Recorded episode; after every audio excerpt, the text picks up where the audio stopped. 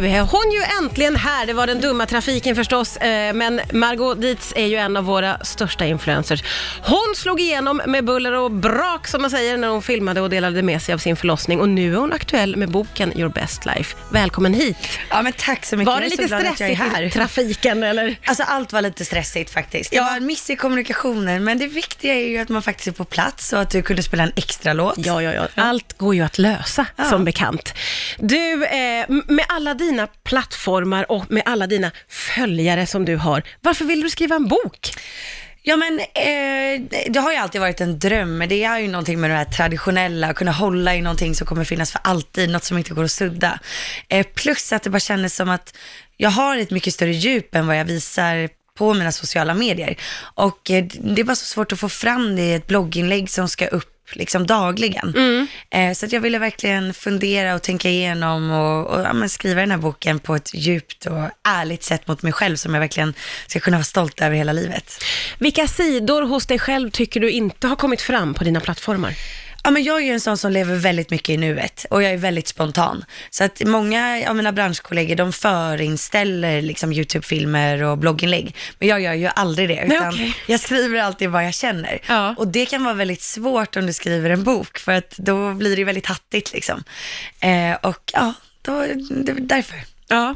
Eh, du skriver ju en del om din familj och din mamma och din pappa. Hur har uppväxten präglat dig, skulle du säga? Ja, men jag tror ju uppväxten präglar ju en alla enormt liksom. Och eh, det blir väl en sån här eh, motpol också alltid att vissa saker som ens föräldrar gjorde vill man absolut aldrig eh, göra. Och sen vissa Som saker- förälder själv menar du? Ja, precis. Ja, ja. precis. Och vissa saker vill man ju absolut ta, ta efter. Och vissa delar vill man inte efterlikna i sin egna personlighet. Så att jag tror att ja, eh, den, den har präglat mig väldigt mycket, men mina föräldrar har fått mig att bli väldigt så här, driven och våga utmana mig själv och våga tro på mig själv väldigt mycket. Mm, för jag uppfattar det som att din pappa har varit ganska, liksom, eh, han har pushat dig och, och ibland varit på gränsen till lite hård, om jag förstår saken rätt. Ja, men eh, kanske väldigt hård eh, jämfört med många andra pappor mot barn i, i den unga åldern. Men samtidigt när jag tittar tillbaka på det idag så vet jag ju fortfarande att så här, det var ingen gulligull ifall att man inte gjorde någonting bra, utan det, var det bra så sa han att det var bra. Men det hände ju inte så ofta att han sa att det var bra. Men när det var bra, då var det riktigt bra. Ah, Okej, men på vilket sätt var han hård då, skulle du säga? Ja, men vi kan väl säga så här att jag kunde komma hem med en MVG, ett betyg och sen så var det ändå inte att jag var bäst. Okej, Ah. okej. Så kan det här ha att göra med att du har liksom ett stort, något slags bekräftelsebehov i vuxen ålder, tror du? Ja, men jag tror faktiskt att det har satt sina spår på ett sätt. Det har det absolut gjort. Mm. Ja. Vi pratar ju om din bok, du har ju eh, släppt bok i dagarna, Your Best Life. Eh, och det här där du ju, som du sa innan, där du kanske vill liksom visa upp andra sidor hos dig själv och du skriver om barndom och du är öppen med eh, att du hade en pappa som var lite hård men en mamma som var lite mjuk. Ja, väldigt jag mjuk, förstår. Eh, Den kombon låter ju i och för sig som att den är väldigt lyckad. Ja. Eh, Men det här med att kunna identifiera som vuxen att ditt bekräftelsebehov kanske kommer av en pappa som har liksom eh, pushat hårt. Va, vad tänker du om det? Men jag är en person som funderar väldigt mycket och eh, jag, jag tänker väldigt mycket på varför jag är som jag är och hur det kommer sig. Och, eh, också så här, jag har gått med hos psykolog för att bearbeta mig själv och också för att kunna tänka så här, men vad skulle jag kunna göra framåt för att förbättra mig själv eh, i relationer men också liksom, ja, men yrkesmässigt och ja, men som person bara. Så då tror jag att man, eh, ja, men jag är en funderare. Mm. Och, och det här är ju ingenting nytt, det faktum att eh, sociala medier har ju sedan länge fått kritik för att det är för ytligt och det, för, det visar bara upp en glammig sida. Och, eh, va, vad tänker du om det? Ja, men eh, när jag började med sociala medier för massvis med år sedan, nej men vad är det, fyra, fyra fem år sedan, det är ju egentligen ingenting, men det är mycket så här, i, i bloggvärlden. Då var det ju väldigt så populärt med perfekta bilder och Eh, det var inte så mycket personlighet bakom de personerna som man följde. Men nu tycker jag verkligen att trenden har ändrats så att nu är det lite mer inne att eh, visa upp att man kanske har lite dålig hy innan man sminkar en, till att visa upp det fettiga håret, att man inte hann duscha på morgonen.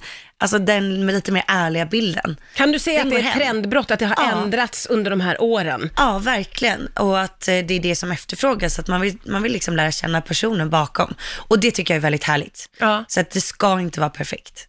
Kan du liksom känna det, eller får du den eh, responsen från dina följare? Att de vill att du ska vara ärlig?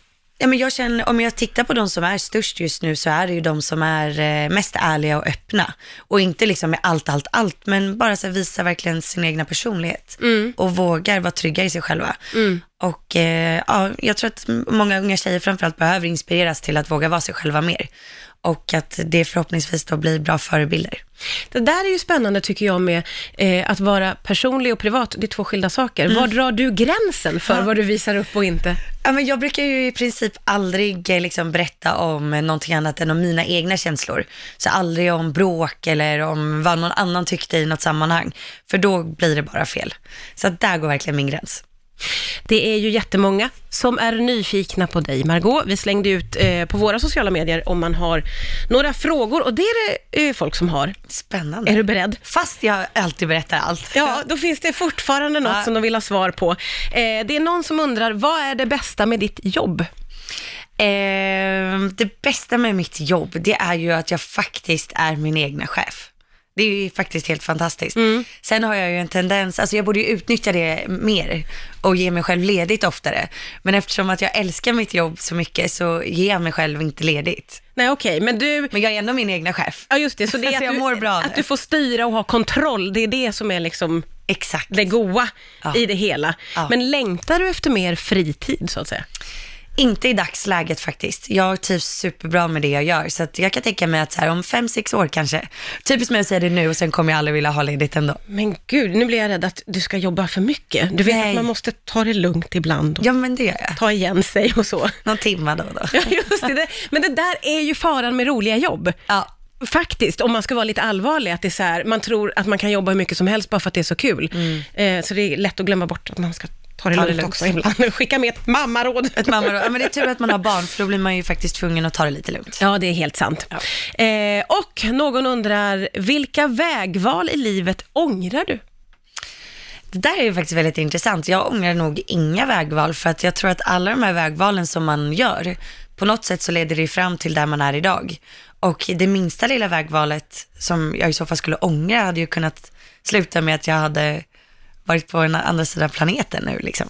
Ja, just det. Så allt som du har gjort har lett fram till, Till det att du sitter här. Så jag vågar inte ångra något. Nej, nej precis. Det Nej. kanske är lika bra. Jag trivs väldigt bra med mitt liv faktiskt. Ja. Eh, någon undrar, vad är det med influencers, speciellt kvinnliga, och deras beundran för Ebba Busch Thor? Eh, ja, jag har väl inte kanske varit med om att det är så många andra som pratar så mycket om henne. Men Jag, blir- jag däremot- måste tänka efter, är det det? Men, men vad är din dragning då? Min dragning är väl att, eh, alltså Ebba och jag lärde känna varandra när jag gjorde partitempen och intervjuade alla partiledarna på min YouTube-kanal. Och eh, vi är ju i princip nästan lika gamla. Hon är ju extremt eh, smart, utåtriktad och glad och positiv och så har vi ju barn i samma ålder.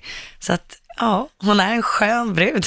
Så ni hittade varandra i en eh, intervjusituation, Ja. helt enkelt? Ja, och sen tog det väl ett tag innan vi eh, tog, tog det längre än så. Är det någon slags bromance? Men jag vet inte vad ordet är för tjejer. Exakt, jag skulle kalla det en bromance. jag, jag tror det. Gud vad härligt. Jätteroligt att du kom hit idag. Jag är så himla glad för det. Din bok heter Your Best Life. Tack snälla Margot Dietz för att du kom till Rix FM. Tusen tack för att jag fick komma, förlåt att jag var lite sen. Det är ingen fara, du är välkommen tillbaka när du vill. Underbart!